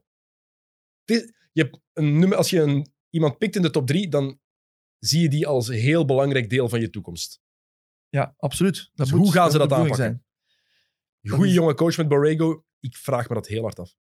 Dat is een heel, grote vra- een heel groot vraagteken, ja. Je hebt geen antwoord? Nee, ik heb daar geen antwoord op. Nee, want dat is moeilijk te zien. Dan moet je, één tot twee, eh, je moet daar twee tot drie wedstrijden van zien. En dan kan je daar eh, iets meer een mening over geven. Dit zijn nog dingen, inderdaad, die gaan nu op tactical board eh, moeten gaan kijken hoe ze het gaan aanpakken. Ja, sommige dingen Want- wist je natuurlijk wel op, weet je, op voorhand. Zoals Ja. destijds de Bulls toen die Rondo, Wade en Butler hadden, Ja. wist je. Ja, die gaan vreselijk zijn van achter de driepuntlijn. Dat, die konden goed compenseren door de ervaring en de juiste mensen. Dat is ervaring, hè? die kunnen zich nog aanpassen. Nu ga je met wat Rozier, vind ik ook geen ervaren speler, soms ook nog eh, iets, te, iets te wild. Eh, Bal wordt dan iemand die nog nooit echt begeleid is. Een loslopend eh, projectiel dat wel heel veel potentie heeft. Oké, daarmee komt die ervaring van Hayward erbij. Ja, dat, dat is echt... Charlotte wordt een... voor de coach een groot avontuur, denk ik. Ehm, Erik Groen stuurde mij vorige week nog over, over de draft. Zei, wie is jouw favoriet? Ik zei, van, ik ben echt wel overtuigd van Killian Hayes. Ja. Gewoon het potentieel daarvan, denk in de toekomst. En hij zei meteen, van, hij is pro-Edwards. Ja. Eh, maar hij zei van, ja, vooral niet LaMelo Ball. Geloof ik totaal niet in. En ik vind het heel straf als je luistert naar alle specialisten die echt alle matchen... Ik heb niet alle matchen van hem in Australië gezien. Ik heb Nee. genoeg beelden gezien. Ik heb Mhm. ook wel eens een wedstrijdje meegepikt, maar ja, met alle respect, er is genoeg te zien. Ehm, de meningen zijn zo verdeeld over hem. Volgens sommigen gaat hij de beste speler uit deze draft worden binnen vijf jaar. En volgens anderen is hij alleen maar bust material. En ik weet soms niet goed welke kant ik moet uit, in, naartoe moet leunen. Maar als ik dan kijk naar dat shot en naar die cijfers die hij had in Australië, dan ben ik toch wel ongerust voor Charlotte. Het, is ook gewoon verdomd moeilijk. Hè? Veel mensen kijken niet naar eh, hoe dat, het draften en het selecteren van spelers. Dat is niet easy, hè? Eh, laten we daar niet. eerlijk in zijn. Hè? Als je bijvoorbeeld er een België ploeg moet selecteren en je moet spelers gaan selecteren vanuit eh, de andere kant van de wereld. Oké, je hebt een, eh, een NBA wat meer resources, maar gewoon een pure selectie maken is gewoon verdomd moeilijk. En iedereen heeft daar een hele andere mening over. Hè? Kijk naar Luka Doncic, die ook later... eh, ai, wordt dan, was vij- is vijfde wordt Luka, denk ik? Of Derde derde, pick. Voilà. De trade voor de Eh, vijfde. daar waren ze ook aan het twijfelen. Ja, Gaat die ja. kerel uit Europa het Amerikaanse spel aankunnen? Ja, Ja, hij domineert bij iedereen. tuurlijk, ja. Dat is absurd, hè? Ja, dat, is Amerika dat is Amerikaans chauvinisme. Hè? Ja, dat is sowieso. Hè? De Europeanen zijn minder. Hè? Zo Want hè, als we het over de draft hebben, hè, eh, onze Israëlische vriend. Danny. Ocharme, ja, hij moet spot vertekenen naar de Wizards. Ocharme, die jongen. Ja, als je hem ziet spelen afgelopen jaar bij Maccabi, gaat dat misschien de meest ready speler zijn om nu ergens in een concept te gaan zetten. Fysiek bedoel je dan? Of ook qua basketkwaliteit? Eh, basketbalintelligentie, eh, echt overall speler.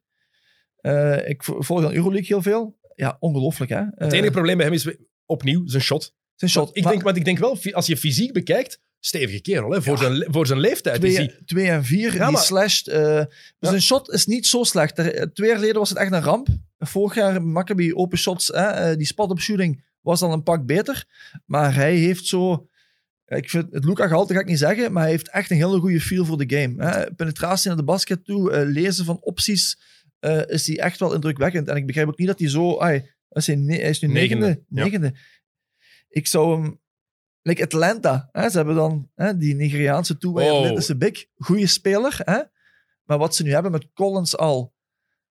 Maar een daar een small forward erbij pakken met... eh, ze hebben Ja, ze hebben, oké, ze hebben nu ze hebben. Reddish, ze Oké, hebben daar pas op ingezet. Nadine Gallinari erbij genomen. Hè? Maar als je die draft kan doen, potentie had ik hem durven kiezen. Ja, nee, ik, ja, ik ben een Onkongwu-believer. Ja, hij is goed. Ja, maar hij ik is denk goed. dat. Onkongwu echt... Absoluut. Dat is Bam Adebayo, niet van de Aldi, maar van de Little. Wat een little. dat is Bam Adebayo van de Little. Dus echt... ehm, maar Danny, wat mij een beetje ongerust maakt over zijn Mhm. shot, zijn percentage is iets omhoog gegaan, Ja. maar nog altijd onder de 25% van achter de driepuntlijn vaak. Klopt. maar 50% van op de vrijworplijn, of 55%. En dat is meestal een indicatie van, oké, iemand kan een goede shotter worden, want zijn vrijworpen zijn rond de eind 70, rond de 80%. Maar als je op de vrijworplijn maar 55% binnengooit, Dus, dan is er een, een structureel probleem. Want dat, jij weet dat ook, jij, jij, bent, jij bent altijd een shooter geweest. Mhm. Op de vrijworplijn, dat is puur automatisme. zijn, flow, zijn flow op spotshooting is echt verbeterd. Hè, het, la- het laatste seizoen, absoluut. Hè. Ja, inderdaad, hij is nog inconsistent, maar ik denk ook dat het te maken heeft. Het is nog een jonge speler die door aanpassing van zijn shot wel gaat twijfelen en dat er niet echt een 100% flow in zit. Dat vind ik een indicatie. Ah, vind persoonlijk ik dat een reden kan zijn dat zijn shot nog niet goed is. Maar als we het puur over basketbal gaan hebben, is dat ja, echt, het is, het is een goeie. Ik ben heel benieuwd hoe de Wizards er gaan uitzien. Want met John Wall, die nu blijkbaar toch ook weg wil, eh, omdat ze hem hadden proberen te traden. Mhm. Daarom wil hij weg in, in Washington. Beal blijft daar normaal gezien. Ze hebben Rui Hachimura van vorig jaar. Thomas Bryant loopt daar nog rond. Een paar toffe, toffe spelers wel. Ja. Ik ben heel benieuwd wat die, hoe die rotatie er helemaal gaat uitzien. En hoe Danny zijn weg in die ploeg gaat, eh, gaat vinden, eerlijk gezegd. En nog een paar interessante namen. Ja, James Wiseman als tweede naar Golden State. Als, dat is iemand... Kan ook een enorme bust worden. Mhm. Maar als die de JaVale McGee-rol heeft bij Golden State in het eerste jaar, rebounds pakken, picks zetten en ballen binnentrekken en, en gewoon erdoor trekken en niet doen wat hij te graag doet, en dat is spot-up shooting, dat is hij niet echt heel fantastisch in. En als ze hem zo de kans geven om te ontwikkelen, denk je dat het een hele goede pick kan zijn voor Golden State. Ik denk voor hem is de Simon van Kelly Oubre Jr. is voor hem een zegen. Voor zijn spel. Laten we het even Ja, ik ben heel benieuwd wat er nu gaat komen. Door de creativiteit van Kelly Oubre Jr. Hè, creëer je iets meer de flow van zijn spel. Wat ik net zei, hij houdt van die, van die een spot-up jumper. Hè. Draymond Green kan dat niet. Hmm. Absoluut niet. Geen schutter. Positief. Want als je hem inderdaad in het eerste jaar in de rol gaat zetten en Clay zou er nog geweest zijn, zou het inderdaad alleen maar picks en dive zijn. Het zou perfect Maar het is geweest zijn. zo een goeie, het is een heel goede atleet. En je ziet ook, hij is goed. Hij is ik vind hem NBA ready. Hij, is Avery, hij heeft Avery Hardaway gehad nu als coach bij Memphis. Eh, vind ik hij, hem wel, samen met onze Israëlische vriend net, eh, de meest ready om ergens in een concept klaar te gaan zetten. En dan vind ik het gewoon ook een perfecte pick. Maar en nu met die rol met Ube Junior gaat hij vanuit zijn eigen potentie wel iets meer flow hebben, denk ik, in de offense met de Warriors. Dat sowieso wel. Want ik vind Aubrey Jr. ook een heel goede pick-up in de plaats van Clay. Hè? Je gaat iets meer creativiteit krijgen, waardoor dat Steph ook iets meer shooting gaat krijgen. Als je Clay en Steph langs elkaar zet, is er heel weinig ruimte tot creativiteit. En was het vooral Steph die heel veel moest creëren voor Clay. Nu met Oubre Jr. ga je wel iets meer creativiteit krijgen op die wing, waardoor dat er iets meer gaat opgeleid moeten worden op wat Oubre Jr. gaat doen. Maar als je de Warriors bent, dan wil je Clay elke dag in de plaats van ja, absoluut. Het is, Clay is een topper, hè. Dat is gewoon voor, eh, voor de Warriors is dat gewoon ja, echt eh, ja, verschrikkelijk. Is er ook hem. iemand, is er één basketballiefhebber die geen fan is van Clay Thompson? Ik denk dat er niemand is die tegen Clay is. Dat is zo de gast, iedereen zo de consensus over heeft van, ah ja, dat is Clay. Ja, Nice. Want ik had dan vorige nog een, wat was het, eh, een podcast met Tony van den Bos gehoord, die dan zei dat Clay geen goede onbaldefender is. Ja, Ja, ik viel van mijn stoel af. ja ik vind, ik vind hem eh, USA-team eh, twee jaar geleden, hij was de man die de scorende mensen stopte. Heb je niet gemerkt hoe snel ik, daar, hoe snel ik verder ging naar een vol- Oh, volgend... Heb je verschrikkelijk. niet gemerkt hoe snel ik naar een vol- volgend onderwerp ging? Dat ik dacht, nee, Tony, nee. Wat Jij weet, jij, Tony weet ook beter, hè? stance, zijn, zijn positie, zijn stance, defensief gewoon een perfecte two-way player. Ongelooflijk. Het is de beste eh, shooting guard, defensief en Ja. offensief. Gewoon de beste shooting guard van de laatste jaren. Oké, offensief James Harden, beter shooting guard, true. Ehm, Zeker. maar defensief is er de laatste acht jaar op de shooting guard niemand geweest die Nee. defensief zo goed was Nee, als, als, absoluut eh, als Clay Thompson. Zelfs Andre Robertson niet. Dus Nee. ik vond, ja, dat was, dat was onzin van. Dat was echt onzin van Tony. Maar Tony, kijk, Tony, ik moest zeggen, sorry maat. maar kijk daarom heb ik het ook gewoon vakkundig genegeerd. Verticaal klasseren. op naar de Ja. volgende, volgende week. Ehm, ja, Clay. Het is zo... Ik vind dit zo erg voor, voor die gast. Want ik denk, als ik erover nadenk, over... Er zijn zoveel leuke figuren in de NBA op dit Mhm. moment. Er is niemand waar ik zo fan van ben als persoon als Clay Thompson. Ja, heel- kerel heel- is zo low maintenance, Ja, voilà. chille gast. Die van, ja, Klopt. alles spreekt me. Ik vind die, ik vind die hilarisch, die mens ook. Voor mij heeft hij enorm veel respect gewonnen toen eh, Durant erbij kwam. En dat hij zei van, oké, ik ga gewoon mijn rol opvullen, wat ik moet doen. En eh, ik ga meer shots krijgen, want mensen gaan eh, meer op KD gaan moeten verdedigen, op Stef. Voor mij een blessing. En ik maak, mij maakt niet zoveel uit hoeveel shots dat ik pak. Misschien, in effect misschien wel voor zijn eigen. Hè? Maar om in die rol, waar je champion, een kampioen bent, en zo iemand erbij komt, en je kan je rol daarin plaatsen, vind ik top. En dat zie je ook gewoon. Top kerel. Natuurlijk, hij wordt nu 31. Eh, hij komt nu van die zware ACL. Oké, is ACL nog zwaar? Het heeft minder impact dan dat het vijf of tien jaar geleden was. Daar kan de NBA wel naartoe werken. Maar het mentale aspect van één seizoen uit te moeten zitten. Ze hebben hem dan iets meer gestretched. Ze zeiden van ja, die bubbel gaan we niet doen. Eh, we geven nu extra tijd om dan nu weer zo... eh, Een nog tegen- ergere ja, blessure, nog erger. Het is verschrikkelijk. Er is, Eh. en ik, ik weet dat ik mezelf daarmee herhaal, maar er is nog nooit een basketter goed teruggekomen van Achillespeesblessure. Dat is gewoon de ergste blessure die je als basketter kan oplopen. En je zegt het zelf, een voorste kruisband is erg, maar tegenwoordig is dat ja, inderdaad negen maanden, een jaar oud. Maar dan ben je wel eigenlijk terug de oude. De meesten komen zelfs sterker terug. Hè? Fysiek eh, op de benen, krachten, spierontwikkeling eh, wordt bij de meesten dan goed gecompenseerd. Mm. Zeker, je hebt daar zoveel trainers, is dat doenbaar. Maar Achilles, ja, ik ben nu, ik ben nu, ik kijk heel erg uit naar Kevin Durant nu. Oké, die heeft een heel ander profiel, super lang, eh, niet zo zwaar. Voor hem, Dat is een shooter van makkelijker. 2,14 meter. Hè? Voilà. Maar het is, het is geen gemakkelijke. Nee, en ik vind het... als je ook hoort hoe iedereen over Clay Thompson praat, alle ploegmaats of ex-ploegmaats of coaches of ex- ex-coaches, iedereen zegt hetzelfde. Ah, great guy, low maintenance, Ja. bijna geen ego, heerlijk om mee samen te werken. Ja. Ja, als letterlijk iedereen dat zegt en er komt nooit een verkeerd verhaal in de media, letterlijk Nee. nooit, niks verkeerd gelekt, dan is het vaak echt wel een aanwijzing dat het Een goede gast is. effectief een goede gast is. Ehm, maar Golden State, ja, de vraag is, is het daar nu voorbij of niet? Hè? Ehm, de Golden State Warriors die we volgend jaar gaan hebben, door de blessure van Clay gaan ze in mijn ogen geen contender zijn. Nee, Sowieso ze kunnen wel gaan verrassen. Het zal gaan zijn hoe dat Stef terugkomt na dit jaar. Dat vooral. Maar je mag niet vergeten, als je de Western Conference bekijkt, hoe sterk die is. Je hebt, Loaded, je hebt de twee Lakers-ploegen, je hebt Denver, Twee LA-ploegen. Eh, de, de- twee LA-ploegen, ja, ik zei, dat bedoelde ik inderdaad. Twee LA-ploegen, je hebt Denver, je hebt Portland, die heel wat moves gemaakt Ja. hebben. Ehm, dan heb je Houston, wat een, een vraagteken ik is. verwacht Ja. dat ze beter gaan zijn. Dallas, verwacht je ergens wel in de playoffs? Ja. ja. maar die komen ook, die verwacht je in de playoffs. Zeker Die vast. Ehm, wat heb je dan nog? Ehm, En Dallas is versterkt. ja, voilà. Je hebt Memphis.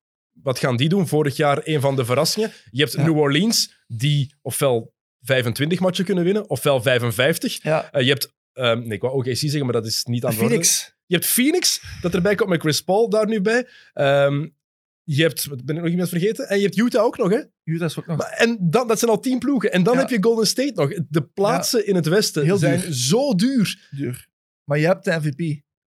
Steph Curry is MVP geweest, dus ik verwacht heel veel van Steph. Ik Maar- denk wel, ze keken er ook heel hard naar uit. Hè? Hij schreef ook van de week in een tweet dat hij echt eh, tranen in zijn ogen had hij het nieuws hoorde van Clay. Maar Mhm. dat hij ook wel echt zijn eh we have his back. En ze keken er ook heel hard naar uit. Maar ja, het is inderdaad geen makkelijke... eh, Ik, ik vrees, dat, ik vrees zelfs dat het voorbij is voor Clay. Dat we nooit meer de Clay Thompson gaan zien die we Nee. gezien hebben. Want wat je heel vaak ziet, zeker na zo'n zware blessures, defensief was hij belangrijk. Ik denk dat die laterale bewegingen defensief ook een impact gaan krijgen. En dat is op zijn positie een probleem. Dat gaat minder zijn. Maar hij is zo'n extraordinaire shotter dat hij wel zijn carrière nog kan uitbouwen op Ja. een andere manier. Hij gaat misschien ja, nog wel goed betaald worden. Ik weet niet of zijn contract nu is exact.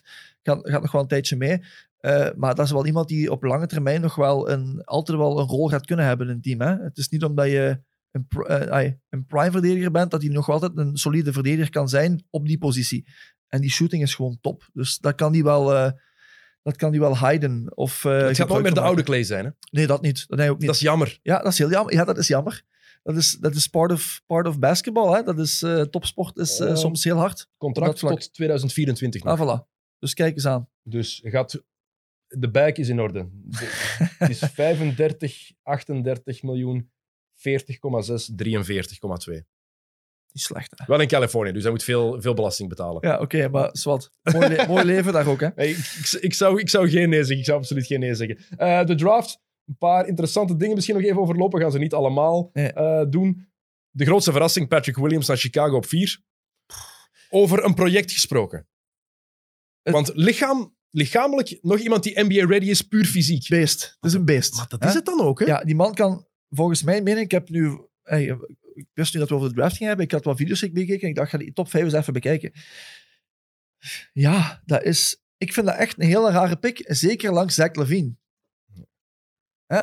Zach Levine is ook niet bekend als een echte shooter-shooter. En dan zet je daar nu weer iemand langs die ook niet echt een goede schutter is. Die het ook echt van het atletische vermogen heeft. Slashen naar de ring. Ga je met twee dezelfde profielen spelen. Terwijl, ja, en dan ga je naar de man eronder, van Auburn, Okoro.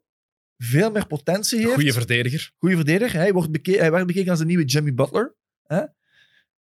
Zou dat toch veel beter passen bij een ploeg als Chicago? Ik denk dat Okoro het ook liever had gehad. Nu moet hij naar die shitland in Cleveland. Eens, Cleveland, de vreselijkste stad waar ik ooit in mijn leven ben geweest. Niks te beleven. Ja, maar echt, het is gewoon, was gewoon een, gewoon een Ja. klucht. En die ploeg. Oh, Ja. Sexton en Garland op de guards. Mm, Savan misschien nog. Maar dan, McGee. en dan Love en Drummond. En JaVale McGee. Ja, maar oké, Ja, me Love en verschrikkelijk. Drummond. Ja, ja. Kan Dus elke keer als Okoro naar de basket wil driven, ah, dan staan... Oh, die, die, er een die dinosaurus twee- op die hem te wachten? Echt, Ja, ja, die twee dino's staan daar. Ja. Nee. Ehm ja, Okongu gezegd, ik ben overtuigd. Obi Toppin op 8 naar de Knicks. Die wilden ze heel graag. Eh, de Amari Stoudemire van de Aldi, ja. wordt dan gezegd. Ook iets- S- Smith, Phoenix. ja, dat snap ik ook niet. Kan passen in het concept, omdat je met CP3 nu gaat spelen hè? op de point guard positie. Je hebt daar Boeker bij. En je wil Boeker, en ik denk dat Boeker ook veel beter gaat worden in two-man game. Mhm. Heb je wel atletische big die echt wel inside werkt. Heb je, hebt, nodig. je hebt eten. je hebt eten ook. Maar ja, kijk, En je hebt Cam Johnson. ja, maar je, gaat je roster groter maken. Maar is niet, hoe, hoe, lang gaat die, hoe lang denk jij dat CP3 nog gaat, op niveau gaat zijn? ik denk de dat die volgend jaar misschien nog een jaartje heeft en dan gaat het aftakelen. Eén jaartje.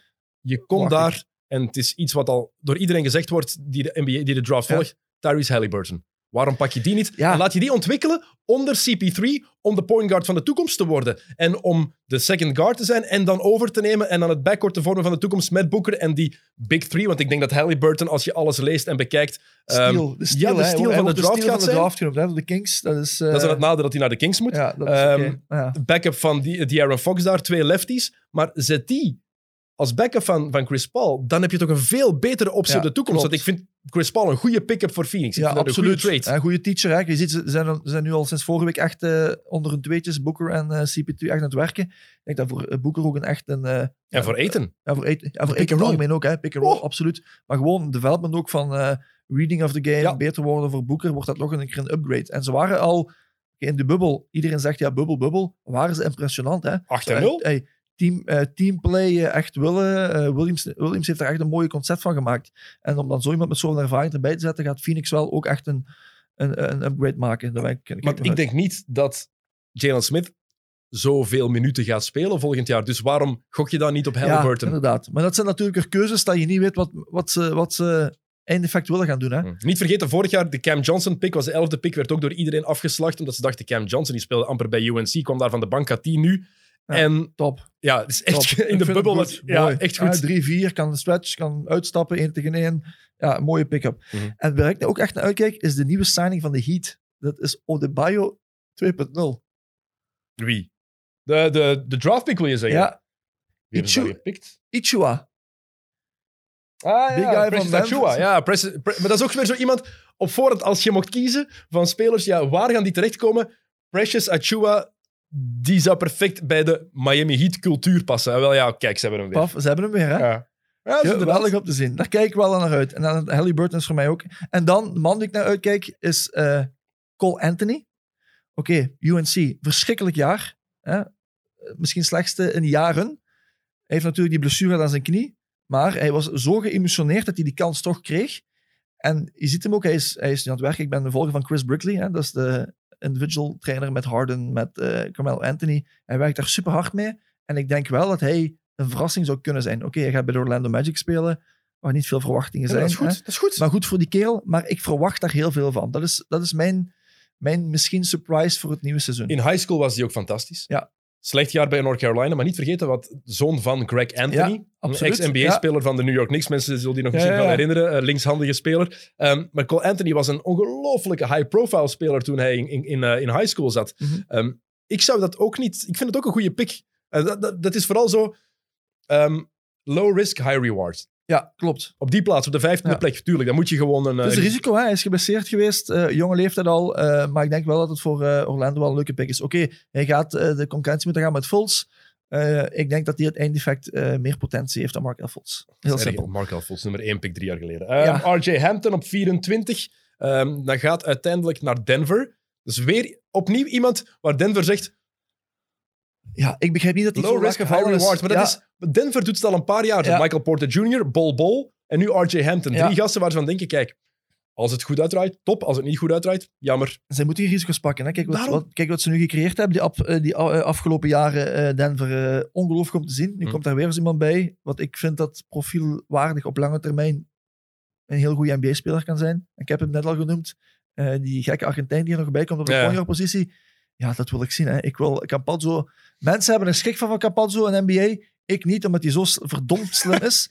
Eh, en ik wil hem echt niet toe mijn game met Jokic. Oh, heerlijk om naar te kijken, denk ik. Nog één naam. Ja. Alexei Pokusevski. Servier. Zeventiende pick. Is ehm 7 foot. Dat is dus 2 meter 14, 195 pond. Dus 2 meter 14 weegt nog geen 100 kilo. Ja, ja. Ik weet, Glenn de Hollander en Thomas Atai zijn daar ongelooflijk door gecharmeerd door die gast. Die willen alle matchen zien die Pokusevski gaat spelen. Speelt nu bij... eh, Wacht. Ik heb geen idee waar die vandaan komt. eh, Dus hier niet staan.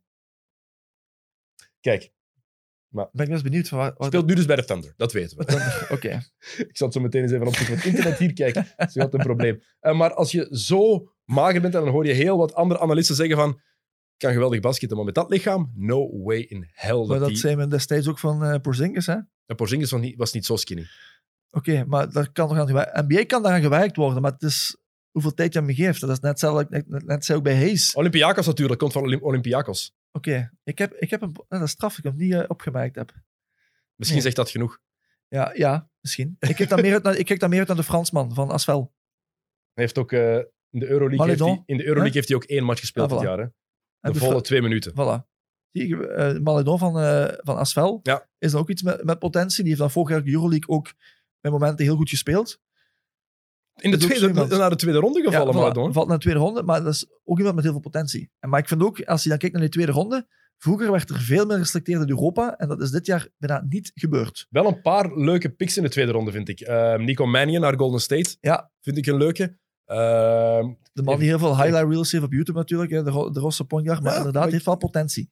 Daarom. zit wel iets in. En Pa heeft ook bij de Warriors gespeeld trouwens. Pa, wat. Slim, slimme kerel ook. Cassius Stanley. Dat kan de volgende Derrick Jones Jr. worden. Die gast die springt Uit de zaal. uit, uit de zaal. Dat is, dat is belachelijk. Er zijn wel een paar toffe namen. Jamius Ramsey naar eh, Sacramento. 43ste pick. Daar geloof ik echt in. Dat dat een goede steal kan zijn, Jamius Ramsey. 2-3-speler die heel veelzijdig is. Mhm. En ja, ik, ik, ik voel daar iets voor. Soms heb je dat, hè. Soms heb je van, heb je van die spelers waar je gewoon beelden van bekijkt en waar je gewoon een zwak voor krijgt. Ja. Onverklaarbaar. Je hebt het voor sommige spelers. Wel, ik heb dat bij deze. Ik had vroeger ook een hele rare Steve Novak. Maar ja, natuurlijk. Ja, shot ik wou juist eh, zeggen- Novak. eh, ik van Steve Novak, maar ik vond het heel grappig te kijken. Kom erop af, eh, een paar driepunten. Jij dacht gewoon, als Steve Veel. Novak zo'n contract kan krijgen, dan kan ik dat ook. geef maar toe. Eh, geef maar toe. Eh, Oké, nog een paar dingen. Ehm, de Milwaukee Bucks. We hebben het gehad over uitdagers. Het oosten is Milwaukee nog altijd misschien wel de topfavoriet. Ja. Oké. Kevin Durant komt terug naar Brooklyn, ik weet het, maar ik weet niet wat de Nets helemaal gaan doen. En Kyrie Irving heeft te veel dingen gezegd waardoor ik denk, oh jongen, jongen, ik zou, ik zou nu Steve Nash niet willen zijn. Eh, nou, we hebben eigenlijk geen coach nodig. De ene, ene week, ene match coach ik, de andere match coach Kevin Durant. Hij Ja. wil per se DeAndre Jordan in de starting five, terwijl je daar Jared Allen hebt rondlopen. Ja. Ja, Kyrie is duidelijk een beetje vergif ehm, in een kleedkamer Ja, geworden de laatste niet, het is niet jaren. de gemakkelijkste. Dus eh, Nee. ze moet, daar moet, hebben het over, zijn we het over eens. Dus de Bucks. Het enige wat ik mis bij de Bucks is een point guard. En je kan Drew Holiday gaan bekijken als point. Ik vind geen point guard. Voor mij is dat een shooting guard. Mhm. En ik mis daar een... eh, ik had daar heel graag CP3 gezien.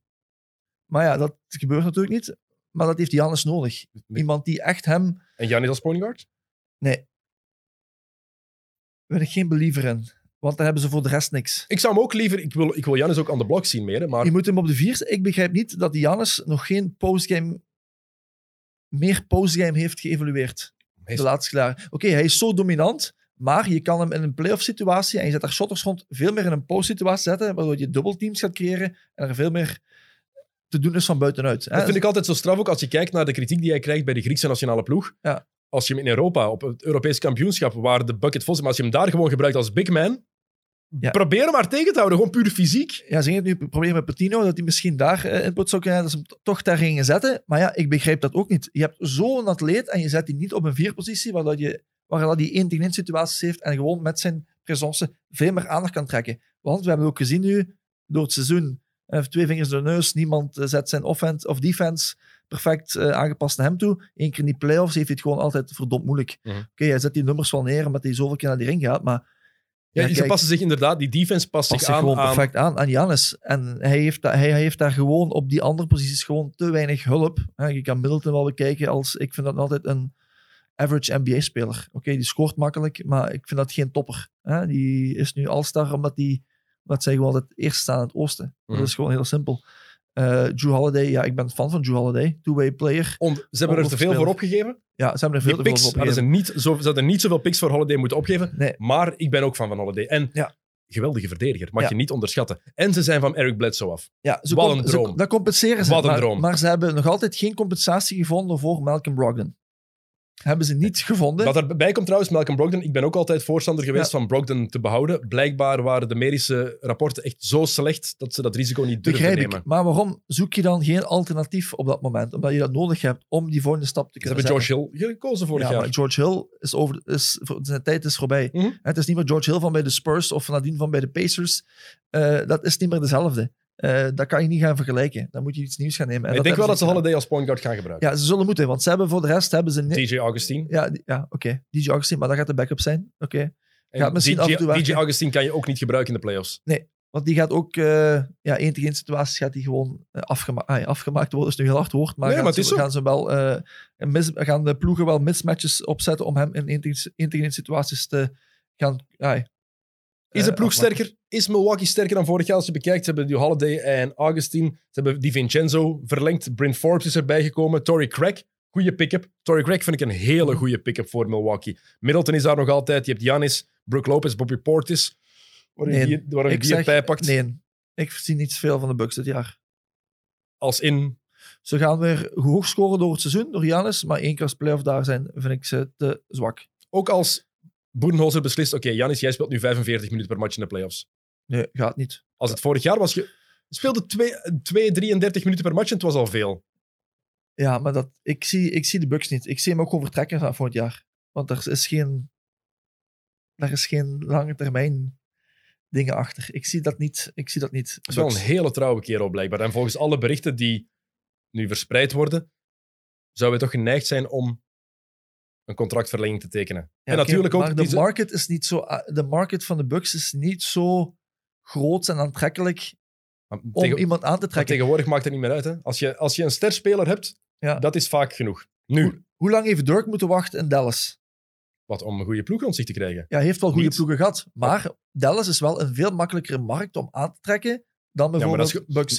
En die heeft het effect wel kunnen doen. Maar dat is, Ja, gewoon- dat is gewoon omdat Cuban te vaak op zijn geld zat. Hè? Heeft Nash laten gaan. Ehm, dat, dat, zijn, dat zijn foute beslissingen die Cuban ook heeft genomen, in mijn ogen. Ze spelen kampioen in 2011. Ja. Wat beslist Cuban daarna? Ja, we gaan Tyson Chandler niet behouden. Het anker van de defense.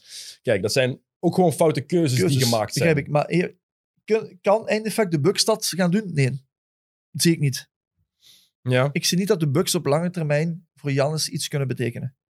Of hij moet... Dus jij ziet het zoals Cleveland bij LeBron in de eerste periode. Ja, en dat hij weg gaat gaan, dat hij misschien ooit gaat terugkomen en dat ze dan misschien wat picks hebben en dat daar misschien iets moois uitkomt. Gelijk Kyrie eh, destijds eh bij Cleveland, dat zij misschien dan met, eh, met Milwaukee iets gaat kunnen doen. Maar eh, in dit concept wat ze nu hebben, gaat dat niet gebeuren. Het financiële aspect mag je ook niet vergeten. Hij komt uit absolute armoede. Klopt. En het is de enige ploeg die een supermax kan. Die- Je kan alleen een supermax krijgen bij de ploeg waar je al bij zat. En dat is zijn voordeel natuurlijk, zijn loyaliteit, zoals je net zegt, gaat hij wel van het waar geld. hij komt. Eh, ze hebben hem de kans gegeven. Zijn ook goed geweest voor zijn broers. Hè? Mhm. Eh, eh, die daar eigenlijk voor mij persoonlijk niet eh, hoort.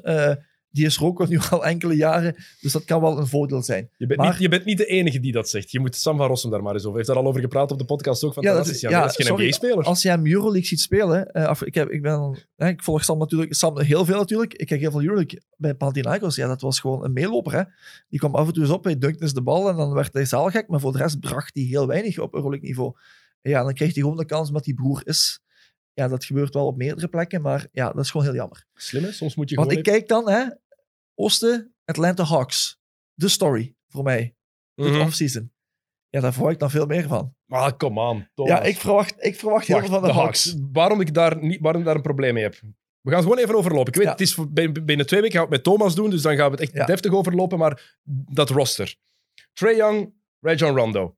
Bogdan Bogdanovic, die normaal naar Milwaukee zou gaan. Als die er trouwens was geweest bij Milwaukee, Top. een wereld van verschil. Drew Holiday met. Bogdanovic, twee baldragers, eh shottend vermogen. eh, En dan ook- Middleton ook en. Antetokounmpo en Dan Lopez daarbij. Dan hadden zij wel een kans gehad om die volgende stap te zetten. Dat is niet gebeurd. Heel zuur voor Milwaukee. Ik, had het, ik had het wel willen zien. Dat zou misschien ook wel eens een reden kunnen zijn waarom Jannes eindeffect zou zeggen van oh, voert, het is het toch weer niet gelukt. Ja. Dat is voor mij... Hey, Oké, maar die, die gaat dan wel naar Atlanta. Goed. Trey Young, Rondo, Bogdanovic, Kevin Herter, Chris Dunn, Reddish, DeAndre Hunter, Tony Snell, Solomon Hill, John Collins, Danilo Gallinari, Clint Capella, Onyeka Onkongwu. Dat zijn al 13 spelers nu die allemaal alle 13 gaan willen spelen. Salman Hill ook nog van Ja, nee, Ah, heb je Heb gezegd? je sorry. gezegd. Eh, maar Ja. je ook nog Bruno Fernando, um, Scalabissier. Dat zijn al 15 mannen en er zijn nog een paar op het roster. Hè? Ja. je kan niet, je kan maar vijf spelers tegelijk op het veld zetten. Ja. Ze gaan, die gaan sowieso nog moves doen. Maar wie ga je dan opgeven? Ik snap de Bogdanovic-signing. Je hebt Kevin Herter. Waarom haal je Bogdanovic daarbij? Chris. Dunn. Ook heel vreemd. Ga en gaan ze spelen met Rondo op de 1 en dan Trae Young op de 2 en dan Herter van de bank en Hunter op de 3? Of hoe gaan ze dat Dan heb je- aanpakken? Heb je defensief een probleem als je twee jongen op de twee gaat zetten? Tuurlijk, maar daarom de vraag. En wat, ga je doen met, wat ga je doen met John Collins? Want je, hebt dan, je haalt dan Gallinari, je hebt Capella, je hebt Okongwu van de bank. Ja, Gallinari kan je, voor mij persoonlijk kan Gallinari niet meer op een drie fungeren op de NBA. Is hij te traag voor geworden. Dus Te veel geblesseerd moet- geweest Ja, ook. Moet je op de vier zetten. Eh, ja, ik, heb hier, ik heb hier bijvoorbeeld tien namen geschreven. Dat is Young, Bogdanovic, Gallinari, Collins, Capella, eh, Rondo, Dunn, Reddish, Snell en Solomon Hill. Solomon Hill hebben ze nu gehaald, denk ik, om dat probleem te gaan oplossen. Dus Dat- dan zullen er weggaan, maar Solomon Hill is voor mij iemand, hè, we kennen hem van bij de Pelicans, eh, langs AD op die drie-positie, een goede verdediger, three-point shooter, eh, die gewoon heel goed zijn rol invult. Hè. Dit jaar bij de Heat ook minder minuten gespeeld, omdat hij natuurlijk de bloer was van eh, eh, Jimmy Butler. Maar is wel iemand die nu binnengehaald is om dat probleem te gaan oplossen. Inderdaad, er zijn er veel te veel. Eh, ik zie Trey Young en Bogdanovic. Huh. Dat is een moeilijke, hè? Twee shooters langs elkaar is al een moeilijke. Maar wel een goede signing voor Atlanta. Ik denk als je Atlanta-fan bent, de afgelopen 20 jaar ben je eh, waarschijnlijk heel depressief geweest. Hey, kijk 60 je- overwinningen vijf jaar geleden. Oké, ja, oké. 60 overwinningen. Maar ben je nu wel super excited? Want er gebeurt iets, er komen Ah, mensen binnen. Voilà. De fans zijn enthousiast, Ja. de analisten niet. En de analisten hebben gelijk. Deze ploeg, ze gaan ook ze gaan DeAndre Hunter niet opgeven. Hè? Dat denk ik ook niet. Nummer 4 pick vorig Nee. jaar. En ook, ik vond Gallinari. Gallinari zegt, ik wil niet meer voor het geld spelen, maar ik wil voor een contender spelen. En dan gaat hij naar Atlanta. Ja, heel vreemd. Wauw. Vond ik ook een heel vreemde pick. Maar kijk, Trey Young hype is, misschien, is blijkt precies groter dan iedereen gedacht had. Ja, maar bij Atlanta, Travis Schlenk, de GM, gelooft enorm in Trae Young. Hij ziet Ja. daar echt de nieuwe Stephen Curry in. Ja, ik absoluut. Niet, ik niet. En dan zien ze Bogdanovic als Clay Thompson of wat. Ja, maar ik, ik ben, ik ben heel sceptisch over Trae Young. Ja. Ik snap het, het is leuk om naar te kijken, het is spectaculair. Ja. Maar als je letterlijk de slechtste verdediger in de hele NBA bent... Ja. Ja, Hebben ze op de vier geen echte rim protector la, of rim protector defensief monster er meer staan. John Collins. Maar hoe John Collins. Maar ik ben, ook geen, ik ben dan ook geen grote fan van Capella. Want ik vind Capella een overhype. Hè? Eh, ik weet dat topsporters, als je een goed seizoen rijdt, dat je dan eh, je eigen goed voelt en dat je denkt dat je meer zit dan je eigenlijk waard bent, is een perfect voorbeeld als Capella. Capella was gewoon goed, omdat hij James Harden langs zich had. En gewoon mensen, James Harden gingen dubbelen, Capella aan de ring flashte en gewoon ballen kon binnendunken. En om dan in die situatie bij Houston zo'n grote mond te hebben en dan eh, dat dom contract krijgt daar van gigantisch veel, ben ik gewoon geen fan van Capella. Dat is voor mij gewoon een eh, mediocre center. Eh, dus voilà. traden en ook Kongwu gebruiken. Voilà. Zou ik ook opteren. en dan, mis- en misschien eh, een iets meer atletische drie erbij duwen. Allee, ja, die zijn rol kent. Hè, er zijn er nog wel wat vrij. Ik, echt, roster, ik blijf er naar kijken. Ik blijf echt denken, hoe gaan die dat oplossen? Traden voor de die- Rosen. De Rosen. Ja, ik, ik- de Rosen is defensief oké. Dat is een slasher. Kan je Ja. langs Bogdanovic en Trae Young perfect zetten. Dat is waar. Maar Hè, want San Antonio wil er vanaf. Want allee, ja, dat is... Ja, San Antonio, San. Antonio is slim, gelukkig. En hebben Ja. even iets, ze hebben fantastische nieuwe shirts. ja, dat gezien? gezien. De, Ja, er zijn heel veel fantastische oh, shirts voor die retro shirt, die, die, die zo nu, Ongelooflijk. nieuw, nieuw komen. Dus, eh, is, het een bo- is het een boodschap, Sam? Ja, oké. nee, Atlanta. Ja, ik, ik, ik zie het niet. Atlanta is een ploeg die nog echt moves gaat, eh, gaat doen. maken. Ja, ja, Ja. we gaan ook moeten doen. En Clippers ook. Dus ik, er zijn nog wel een paar die paar moves moeten gaan doen. Hè? Ehm, ik heb nog één ploeg die we Ja. even kort moeten aanraken. En de rest is dan voor de uitgebreide aflevering met Thomas. Ehm, de Blazers. Ene ploeg. De meeste mensen zeggen, good job. Portland. Zij gedaan hebben. Robert Covington erbij. Whiteside laten gaan. Kanter terug binnengehaald. Derrick Jones Jr. Nee. Vooral Harry Giles vind ik een goeie. Carmelo erbij. Rodney Hood, die terugkomt van Achillespeesblessure. Ja. Die 19 miljoen krijgt voor twee jaar Mhm. of zo. Kan top 4 zijn in het Westen. Ik, ik, ben, ja, ik ben gewoon een enorme grote Carmelo Anthony fan. Al, al jaren. Ik ben eh, Dus je kan niet objectief kijken naar destijds Melo. ook naar de Madison Square Garden geweest. Ik moest die man beter gezien hebben. Eh, dus ik ben gewoon een Mello-fan, dat al ten eerste. Maar eh, daar zit gewoon heel veel potentie in in Portland. Hè? Allee, die hebben de pieces wel. Maar vorig jaar dat in het begin van het seizoen gewoon niet uitgekomen. Hè? Dat was gewoon een rampzalige start. Nadien een beetje op drive gekomen. Maar inderdaad, ze hebben nu op die drie positie waar voor hun vorig jaar defensief altijd een probleem was, komt een Covington bij. Perfecte roleplayer. Defensief top. 3 Doet zijn job. Kan, kan het balken binnenshotten. R- eh, Maakt, maakt nat- natuurlijk ruimte voor McCullum en voor eh, Lillard. En dan inderdaad eindelijk af van Whiteside. En daar komt dan die, gek, eh, die gekke Turk komt er dan bij Die je natuurlijk. niet kan gebruiken in de playoffs. Die kan gebruiken in de playoffs, maar wel weer een big body heeft en waarschijnlijk ook gewoon doet wat hem gevraagd wordt. Hè, dat kan je ook wel weten van Kenter, maar zijn naastveld en soms zijn eh karikatuur is natuurlijk eh, dramatisch. Maar ik denk wel dat inderdaad met die picks nu, die, die pick die erbij komen, is dat ze wel een heel goed job gedaan hebben Mhm. in de breedte. Dus En ik Lillard, denk- wordt, Lillard is 30, denk ik. Dus ja, het is het moment. Het moment. Ik kan niet meer wachten. Oké, goed. Thomas.